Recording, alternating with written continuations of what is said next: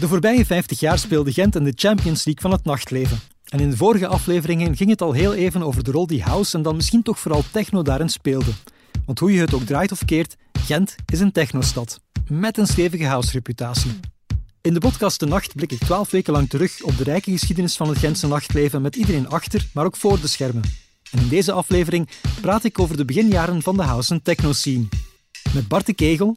We konden die niet de fee betalen die je normaal vroeg. Maar voor Decadence was dat dikwijls een, een grote boeking die een avond. En dan om vijf uur nog naar Decadence konden draaien. Jachenka de Vriezen. Het was ook een beetje een periode van uh, love and peace. Was, iedereen werd geaccepteerd. Hoe zotter, hoe liever. Sandra Dierik. Die sfeer van het is voor de muziek. We gaan ons helemaal laten gaan.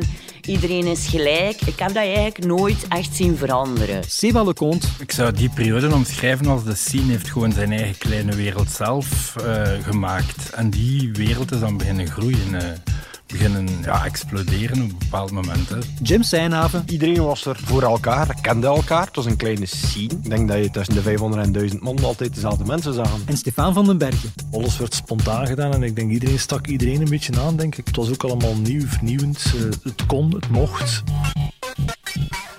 Mijn naam is Ben van Albom en dit is aflevering 4 van De Nacht. En die begint ergens eind jaren 80 toen Stefan van den Bergen bij Radio SES ging aankloppen met het idee voor een programma, Behind the Beat. Toen nog met veel acid house, maar dat zou niet lang duren. Stefan van den Bergen werd DJ Stefan, wat niet de origineelste ingeving ooit was, om uiteindelijk te vervellen tot T-Quest, een van de bekendste Belgische techno-DJ's ooit. SES was heel belangrijk. SES was een radio, een vrij zelfstandige radio, een ja, van, vanuit het uh, illegale beetje gekomen. Die zat in een Eindeweer aan de, de.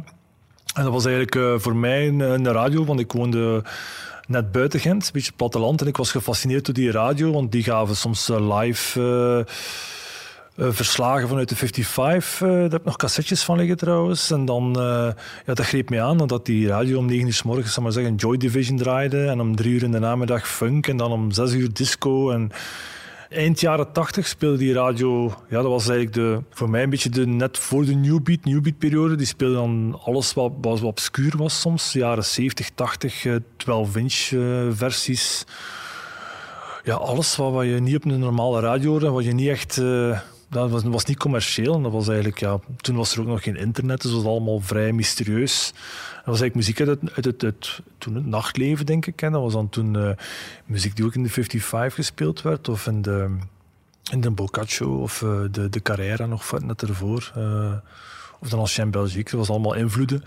En dat was een radio, dat was eigenlijk uh, op zich wel amateuristisch eigenlijk, want dat was uh, ja, een klein radiootje, maar dat was wel erg fijn om contact te leggen. Alleen het spannende aan de radio was dat je niet wist of er één iemand aan het luisteren was of, of, of niemand. En, uh, en dat je dan jaren later die mensen tegenkomt die dan toch vaste luisteraars waren op zondagavond. Ik was alleszins een van die vaste luisteraars. Behind the Beat dat was voor mij een mijlpaal om goede muziek te leren kennen. Omdat er daar toch iets andere muziek gespeeld werd dan de gemiddelde SCS, iets commerciëlere ja, dance eigenlijk. Dat ging heel breed, maar Behind the Beat was toch wel ja, gefocust al op techno beetje breder. Maar ja, dat was het moment dat ik wist wat dat mijn smaak ging worden eigenlijk. Bij mij was het ook door de Zodiac, omdat ik daar vijf jaar... Uiteindelijk heb ik daar vijf jaar gewerkt.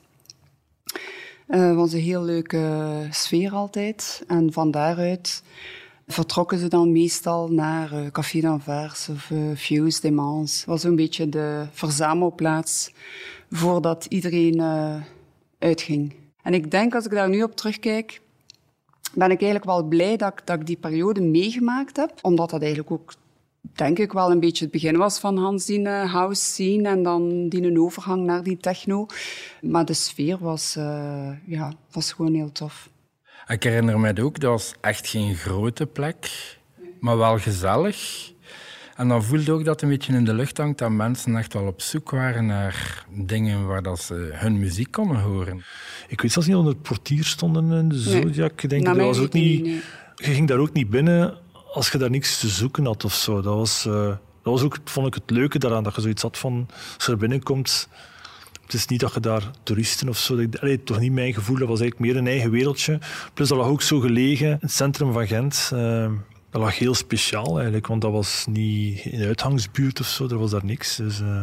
Bij mij is dat toch ook begonnen op de Kuiperskaai, Mo en uh, de Barneys en dan uh, ja, vooral de Boccaccio Carrera zelfs nog een beetje, maar de microben helemaal te pakken gekregen in de Boccaccio vooral, ja. Ja, of wat illegaal waren ze niet, maar gewoon feesten denk ik. Ik denk zeker ook nog, ik weet nog van, ook met de Zodiac denk ik, of de melkfabriek in ja, Eeklo, ja. was, een, was ook een klassieker eigenlijk. En dan een aantal werden er gewoon feesten georganiseerd ergens in het industrieterrein, denk ik, voor toch de mensen bij elkaar te krijgen.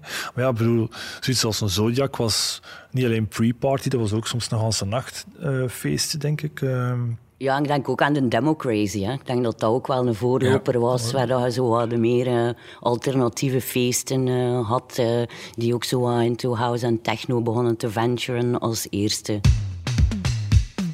Het belang van Democracy voor de vroege house, techno en wat later ook jungle en drum and bass scene valt effectief niet te onderschatten, zoals Sandra Dierik opmerkt.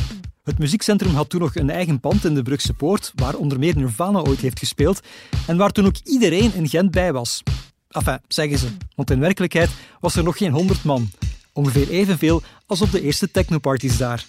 Het is uiteindelijk in de jaren 90 nog allemaal goed gekomen met Nirvana in tegenstelling tot met Democracy, dat uiteindelijk de deuren moest sluiten na iets te veel klachten over geluidshinder. Zonde, want naast de Zodiac, een housecafé in de Heilige Geeststraat waar vandaag frituur tartaar ligt, waren er begin jaren 90 in Gent niet veel andere plekken waar je elektronische muziek kon horen. Er was een enorm bloeiende scene aan losse feesten op verschillende locaties. En eigenlijk voor mij de, de herinnering van de techno-scene in Gent zijn de feesten. En niet per se de clubscene.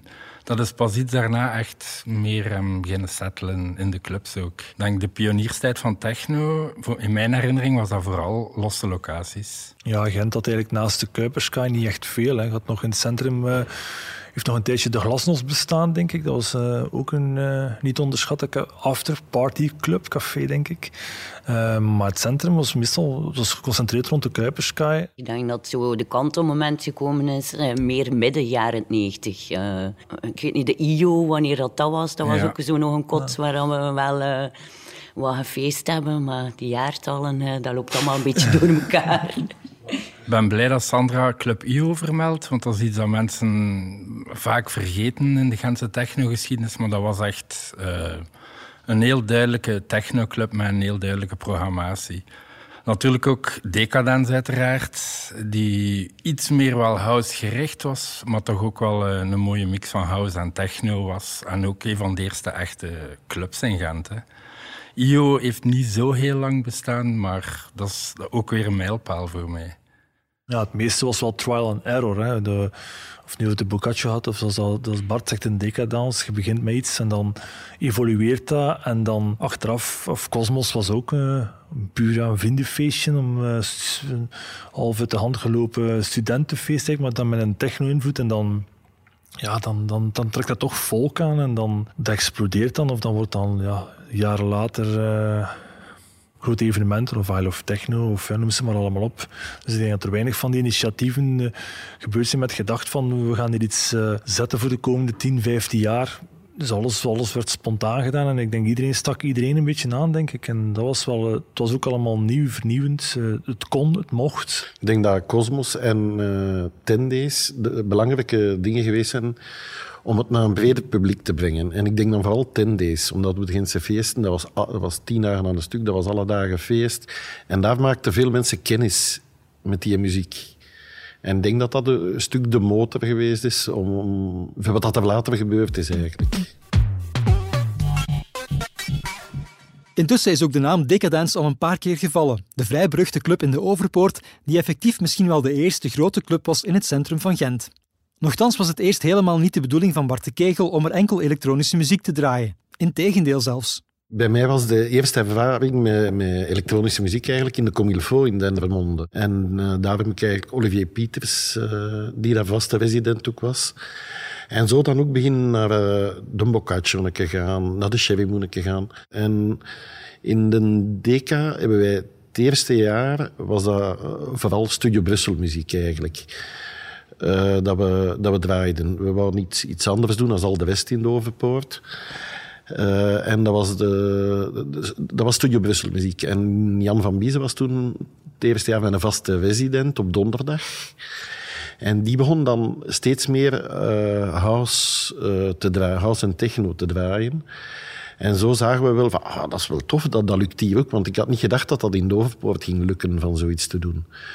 En dan vanaf het tweede jaar dat we bezig waren, is daar dan uh, de, de, Pierre van Fuse die, die maandelijks kwam draaien, Twitch die maandelijks kwam draaien. Alleen een aantal uh, DJ's van Café d'Anvers, Stefan die... Uh, en zo hebben we eigenlijk gezien van, oh, dat is wel fijn, dat is wel tof en er komt veel volk op af. En zo is dat eigenlijk begonnen. Maar in het begin waren we eigenlijk een, een, een alternatief café in de Hoofdpoort en, en, helemaal geen club. De eerste twee jaar waren we ook de weekends niet open.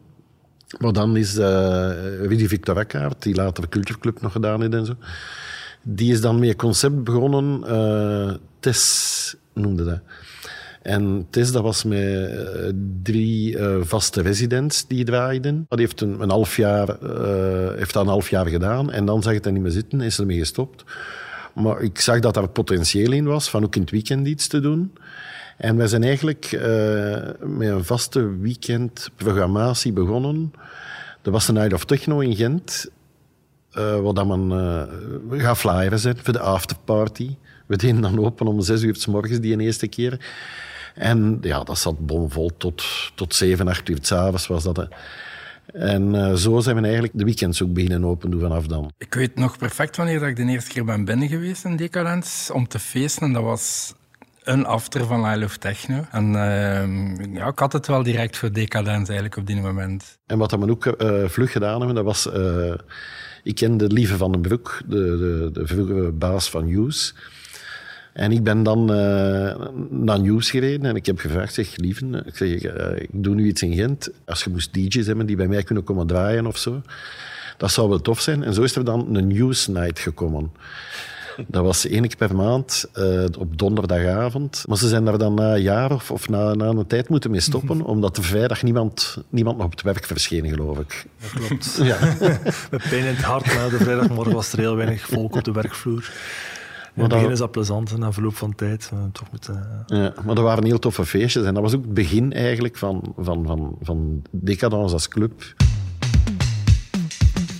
Misschien even voor de niet-label-nerd. News is een Gentse platen- en distributiefirma die in 1994 is opgericht door onder meer Lieven van den Broek en in recordtempo uitgroeide tot een van de grootste distributeurs van elektronische muziek in Europa. Ook leuk om weten is dat News is ontstaan uit een van de belangrijkste platenwinkels van de Benelux, Musicman in Steendam. Maar ook Stefan van den Bergen is begonnen als verkoper, voordat hij mee nieuws ging runnen. Musicman was, want het bestaat helaas niet meer, jarenlang de plek waar DJ's van over heel het land op donderdag samentroepten om de nieuwe house- en technoplaten van de week te scoren, voor ook maar één clubber of radiomaker ze al had gehoord.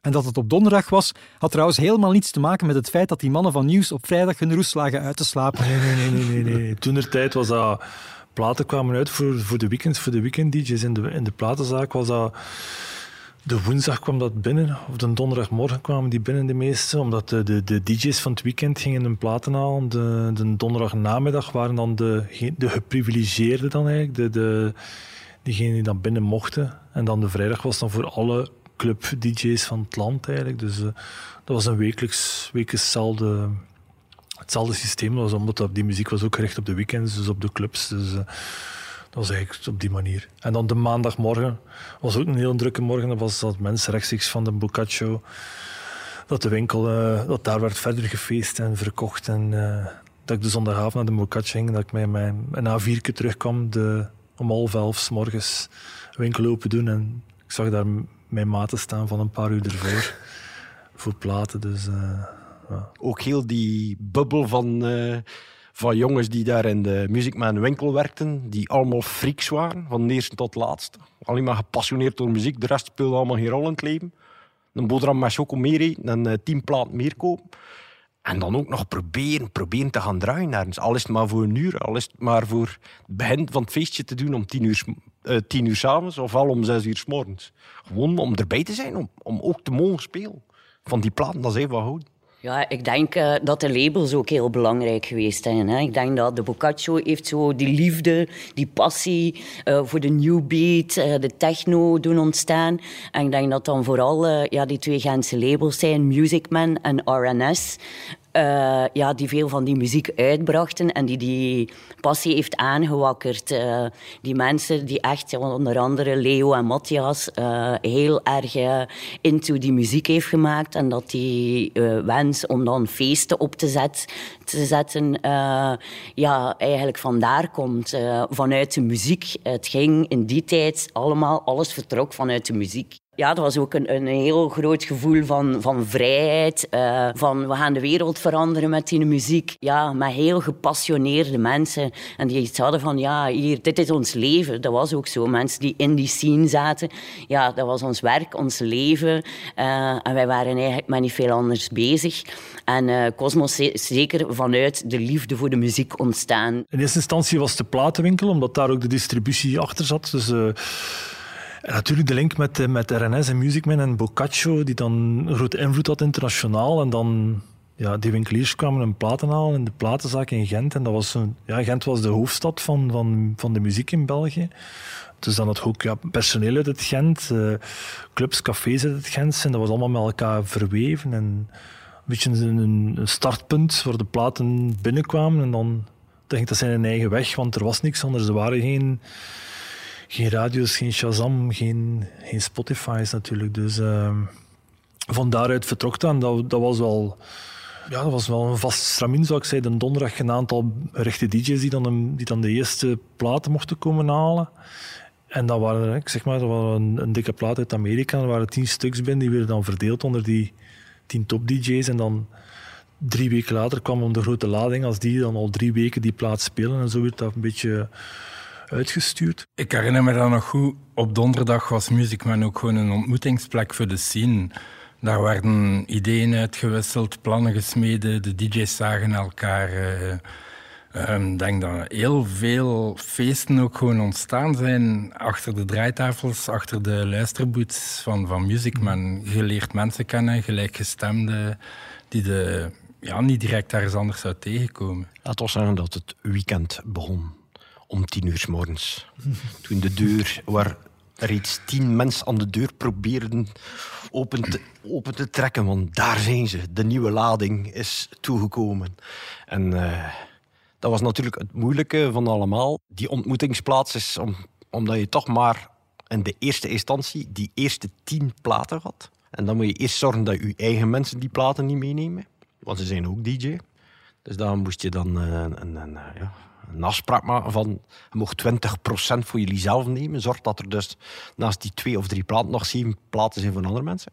Noem ze op. Alle clubs die je maar kunt inbeelden waren daar. Van de Van Rocca, van uh, Extreme, uh, van commercieel tot alternatief. En die, maar die, die hadden reeds pakketje gemaakt. Ze konden nog niet gaan opzoeken op internet. Dus uh, ze, moesten een beetje vertrouwen hebben. En daar hebben we altijd heel veel werk van gemaakt. Ik denk dat dat ook een deel van het succes is. Is dat we echt zorgden dat iedereen zijn pakket kon krijgen. Tenminste, de mensen die gingen echt gaan draaien. En ook de rest, maar dat was achteraf.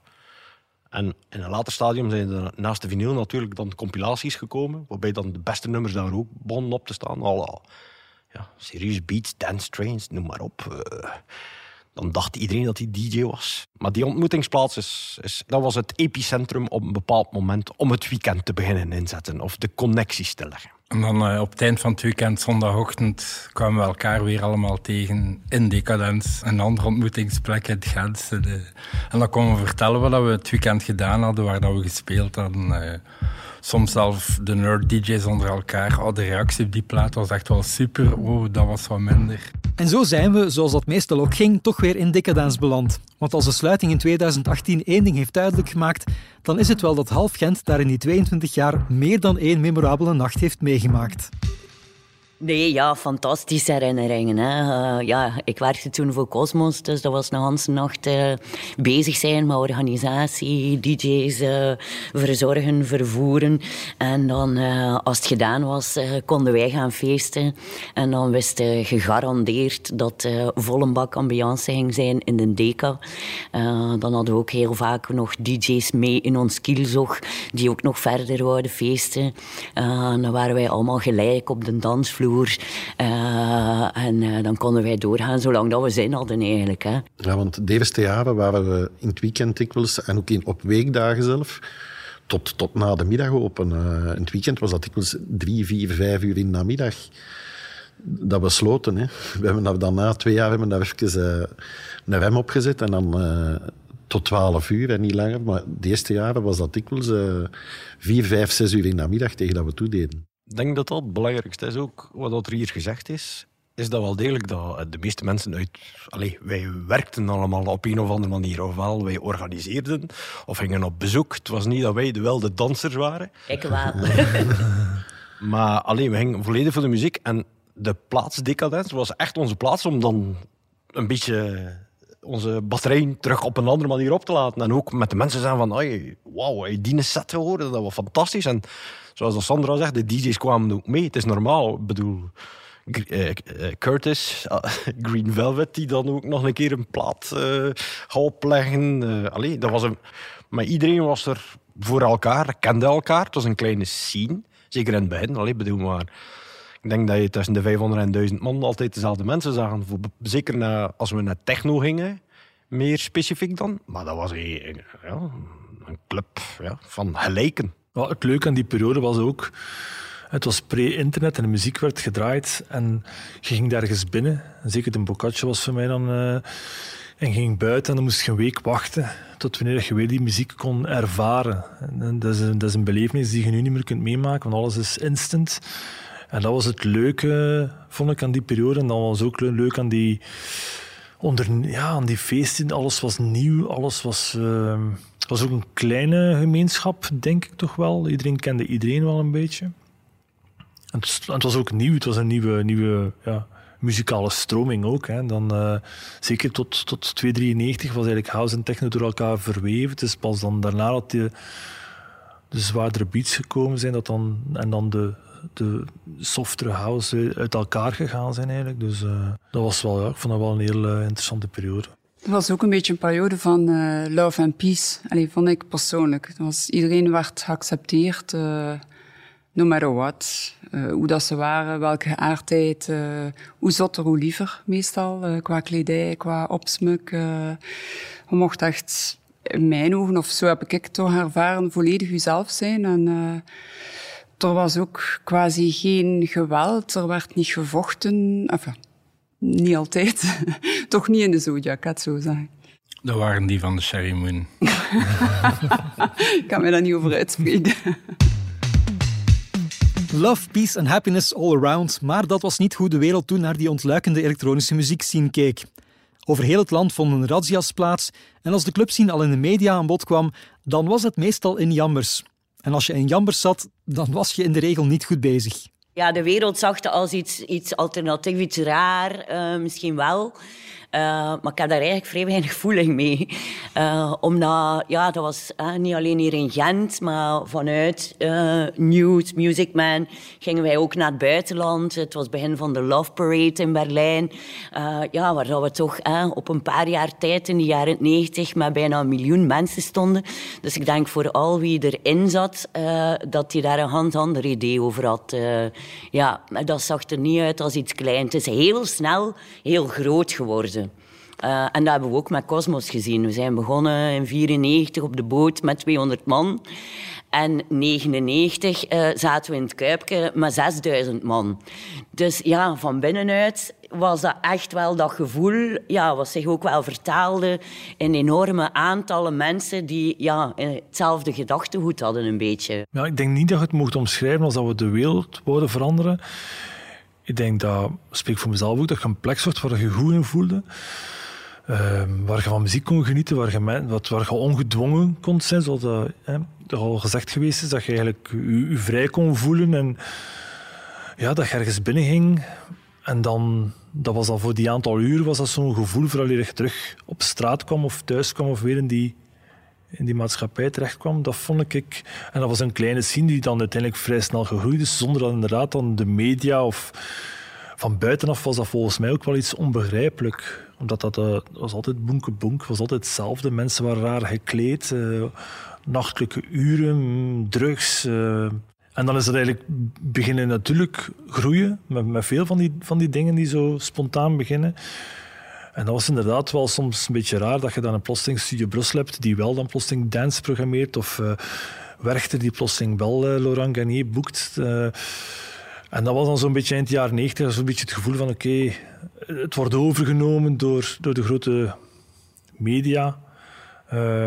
en dan was de, de fun van van dat aspect er wel een beetje uit, omdat het dan plotseling wel mainstream werd. Dat is altijd zo, denk ik. Ik zou die periode omschrijven als de scene heeft gewoon zijn eigen kleine wereld zelf uh, gemaakt. En die wereld is dan beginnen groeien, uh, beginnen ja, exploderen op een bepaald moment. Hè. Zoals gezegd, uh, Laurent Garnier Rock Wechter. Dus ja, we gingen niet de wereld veroveren, maar we hebben gewoon een nieuwe kleine wereld gecreëerd. Ik heb ook zo nog het gevoel van dat dat destijds zeker iets uniek was. En dat mensen uit die scene zo'n beetje de enige waren die u echt konden begrijpen. Uh, die wisten waarover dat je het had. En uh, zoals Stefan zei, mensen die daar niks mee te maken hadden, ja, dat was, dat was inderdaad uh, boom boom. En dat was iets heel raar en, en, en duister en, en slechte invloeden en weet ik veel wat nog allemaal. Oké, nightlife, dat was drugs, dirty dancing en pounding techno music. Maar het was ook nog veel meer dan dat. En dat maakte ook Cosmos duidelijk. Nog zo'n legendarisch feest dat midden jaren 90 begon op een, in mijn herinnering, roestige boot die op haast miraculeuze wijze nooit is gezonken. Ik ben denk bij Cosmos beland um, toen ik in de platenzaak werkte. En toen uh, Leo en Matthias heb ik dit daar ontmoet. Die wilden een feestje doen. En voor mij puur als DJ, ik had het gehad met de clubs en ik wou eigenlijk iets anders doen. Ik wist zelf nog niet goed wat en dat was voor mij mijn eerste feest op, uh, op een andere locatie dan de clubs. Ik denk dat het met Trish en Moen Benouli was, denk ik, die avond, voor zover ik me nog kan herinneren. Ja, dat was super. Het leukste vond ik ook eigenlijk die, die feesten op locatie in fabrieken, waar dat er nog geen flyers lagen, waar dat een beetje mond-aan-mond reclame was, of dat iedereen wel een beetje wist dat er ergens een fuif was, maar je moest dan nog de locatie zien te bemachtigen. Uh, alles was een beetje uh, self-made, de decoratie, de bar, whatever. Maar uh, dat maakt het eigenlijk zo uniek en, en zo sfeervol. Voor Cosmos is dat een beetje in, in verschillende etappes gegaan. Ik was 15 jaar. Ik ga duidelijk zijn, Cosmos dat is voor mij de mothership. Ik was 15 jaar. Ik denk dat één jaar Cosmos was op de boot in Zwijnaarden. En dat was een wereld die openging. Een van de eerste keer dat we uitgingen de mensen keken naar ons, wie zijn die twee jonge snotters die hier staan. Maar na een tijdje groeiden we daarin en leerden we de mensen kennen. En dan barst Cosmos uit zijn voegen, kuipke met alle zijzalen. Dus zo die family feeling verdwijnt dan wel een beetje. Maar ik vind dat die wel enorm is teruggekeerd, ook jaren later. Toen Cosmos dan terug naar de vooruit is getrokken, naar de concertzaal. Dan was dat toch nog net te grote dat de terug die family feeling had, mensen tegenkwam. Voor ons was dat heel overweldigend. Hè? Wij zijn inderdaad de bootcapaciteit, maximum 300, 400 man. Uh, dan uh, naar de vooruit hier een paar keer. Uh, en vandaar naar het ICC. En dat boomde, altijd maar meer volk. Dat enthousiasme van Leo en Matthias was ook nooit te stoppen. ook die liefde voor de muziek. En had dan inderdaad niet alleen techno, maar ook house en electro. En dan zalen bij beginnen doen. Dus voor ons was dat echt wel heel veel. En ja, ik weet niet, commercieel, wij zijn heel erg gegroeid in aantallen. Maar naar mijn gevoel uh, is die sfeer eigenlijk altijd top geweest. Als dat nu ging over 300 man op de boot of 5000 man op dat middenplein van het Kuipje, waarbij dat Hans dat plein ontplofte. Uh, die sfeer van het is voor de muziek. We gaan ons helemaal laten gaan. Iedereen is gelijk. Uh, ik heb dat eigenlijk nooit echt zien veranderen. Wat natuurlijk wel op een bepaald moment begon te veranderen, waren de DJ-fees. Op een van die Cosmos-edities in het Kuipke deed plots het gerucht de ronde dat Jeff Mills 1 miljoen frank had gekregen voor zijn set. 25.000 euro, wat zelfs vandaag een serieus bedrag is, maar meer dan 20 jaar geleden al zeker. Denk uh, dat je enerzijds uh, wel wat grotere namen had, maar die ook uh, door affiliatie met Music Man, ja, die niet overdreven in hun fees. En dat op dat moment dat dat uitzonderingen waren die voor die heel grote fees gingen. Ik denk dat het nog iets later is dat dat dan echt exponentieel beginnen stijgen is. Dus ja, en dan is de vraag van hoe grote fan ben je? Om toch ja, die grotere fees op tafel te gaan leggen. En ja, dan kijkt u natuurlijk ook naar uw bezoekersaantallen. Is het haalbaar of niet? Uh, en hebben we het ervoor over of niet? Uh, ja, en bij Jeff Mills was dat dan... Uh, voor zo een hebben we het er wel voor over. Dan, dan zag je ook schoon dat eigenlijk ja, dat een business wordt. Hè? Een, een markt, vraag en aanbod. Die roddel was met toen ook gepasseerd, je dat gerucht. En een van de eerste dingen dat ik deed was een keer rekenen. Zouden ze dat eruit halen? Ticketprijs, ja. En dan, dan merkte van dat ook de DJ's ja, gewoon hun marktwaarde te beginnen vragen. Um, die weten ook dat anders een organisator geld op u verdient. En dan begon ook meer en meer organisatoren te merken die dat echt... Uh, als geldgewin begonnen te doen. Hè. Uh, dan verdwijnt die liefde een beetje, denk ik. Of dat waren dan misschien andere figuren dan waar dat we hier mee aan tafel zitten. Maar dan ja, komt ook het moment dat mensen merken, hier valt er geld mee te verdienen. Uh. Ja, alhoewel dat Cosmos nooit heeft toegegeven aan de commercie, denk ik dat ze altijd een eigen zin en een eigen lijn hebben gehouden.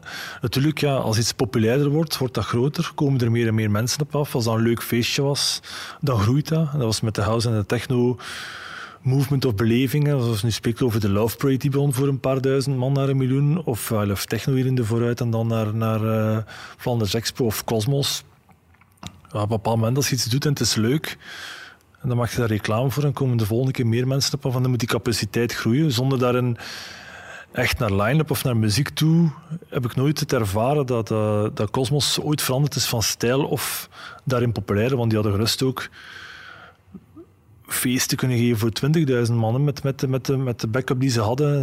Uh, maar dan moet je andere stijlen of iets commerciëler gaan. En dat hebben ze nooit aan toegegeven. Dat vond ik wel eigenlijk een van de ja, de schoonste dingen van, van, van heel Cosmos eigenlijk. Je had ook een feit van uh, ja, mensen worden gezichten zien, of die, die, die mensen die achter die platen zaten zien. En dan kreeg je heel veel producers die in plaats van een uh, analoge apparatuur mee te sleuren op het podium en allerlei problemen te krijgen met het vliegen en dergelijke, die gewoon kwamen DJ'en. En dan krijg je dat soort starcultus. De mensen die willen zien wie dat achter die plaat zit. Som, meestal was er niks te zien, maar goed, mensen, dat trok zich aan. En zo werd dan ook de discobar gezet. Want ik weet nog in de tijd, toen ik in de Barney's draaide, die stond helemaal van boven. En als je op de dansvloer stond, kon je enkel de voeten zien van de DJ. Maar dat maakte niet uit, je stond in een hoek. En dat was op veel feestjes. Denk ik, in de Zodiac stond hij ook tegen de muur, denk ik, met een spiegel nog eens, me kan herinneren. Mensen kwamen niet voor die DJ, mensen kwamen voor gewoon een leuk feest tot op het moment dat die muziek populairder wordt en mensen die namen beginnen kennen van, van dat liedje, van die... En dan komen die mensen af en dan krijg je zo ja, een soort starcultus van mensen willen dan zien wie dat, dat is. En dat werd professioneler, wat, wat toetejuich was. Maar dan kreeg je natuurlijk, en ook voor, soms voor Cosmos was dat vervelend, dat je twee jaar ervoor nog met je artiest een pint ging gaan pakken ergens. En dat je twee jaar later via een officiële mail of fax of wat ook was, via een manager die je niet kende. En dan wordt je plotseling een van de zoveel. Want dat is ook wereldwijd verspreiden, die sound, die muziek. Dat was met, met Joris Voort bijvoorbeeld. Die speelde elk jaar 30 april bij ons een aantal jaar. En dan plots ja, kreeg ik van de manager nee, Decadence is te, te klein voor jou. dat gaat niet meer. En ik kom uh, in Miami op de Music Conference, kom ik uh, Joris Voren tegen op een feestje. En ik, ik zeg dat tegen Joris, van kijk, uh, het, is, spijtig dat het niet meer lukt. En die zegt, oeh, ik zeg ja, ja voor 30 april. Uh, de manager wil laten weten dat dat niet lukt voor naar Decadence te komen. En hij heeft die direct zijn manager gebeld, die moest direct naar daar komen. En binnen half uur had ik een mail in, in, in mijn mailbox dat toch doorging. Dus je had zowel de artiesten die, die wouden komen. Mm -hmm. en, en, die, ook met, met Green Velvet, die er uh, vijf keer gespeeld heeft, denk ik. Uh, we konden die niet de fee betalen die je normaal vroeg. Maar voor Decadence was dat dikwijls een grote boeking die avond. En dan om, om vijf uur nog naar Decadence komen draaien. Dat was wel plezant. Mm -hmm.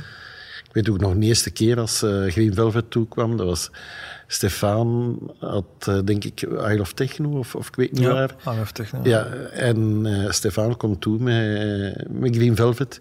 Van ja, kunnen we niet... nee, kunnen we niet draaien? Ik zeg, ja, tuurlijk, tuurlijk. En ik denk dat toen tot acht uur s'avonds was, hè. Die ja, eerste keer. Dat is lang. Ja. dus ze zijn s morgens om zes, zeven uur begonnen en ze zijn gestopt om acht uur s'avonds, de zondagavond. Ja, ja. Dat is voor een andere podcast. Ja. Het zal nodig zijn, want deze aflevering zit er bijna op. Bijna, want ik wil toch ook nog even van deze habitués weten hoe hard zij naar de heropstart van het nachtleven uitkijken. Ik merk overal dat de nood en de zin om terug te gaan feesten extreem groot is.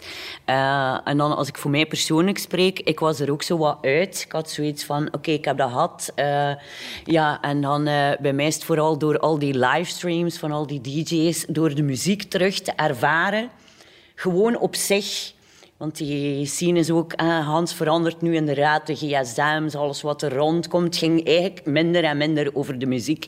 Maar ik merk dat heel veel mensen in hun kot weer heel veel verbinding gemaakt hebben met de muziek en met dat gevoel van de jaren 90. Dus als je het aan mij vraagt, denk ik dat eerst van die oudere generatie gaat komen ja. die zeggen wij willen nu weer feesten gelijk in de jaren 90 en niemand gaat ons tegenhouden. Voilà. En ik denk dat we daarmee de jongere generaties gaan aansteken, die weer een keer gaan voelen wat het is om echt te feesten en in het moment te zijn en in de muziek op te gaan, in plaats van met de gsm's te kijken en ja, word ik bekeken of niet en vindt die mij leuk of niet.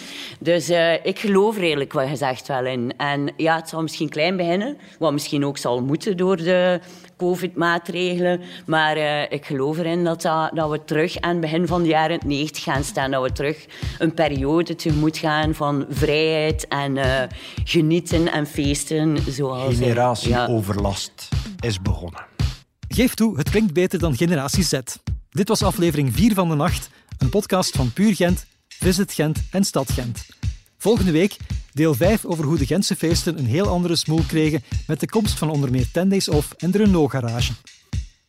Als je intussen graag nog wat meer straight-up house en techno wil, bestaat een nieuwe playlist op Spotify samengesteld door de hoofdrolspelers uit deze aflevering.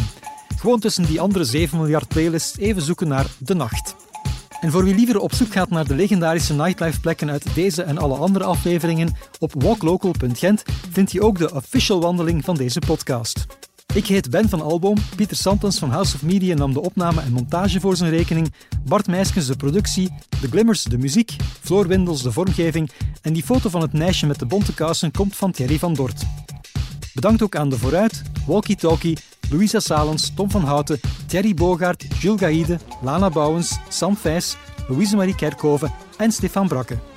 En natuurlijk ook de Morgen en Humo, waar je alle afleveringen van deze podcast eerst twee weken exclusief kan beluisteren op de site en in de app.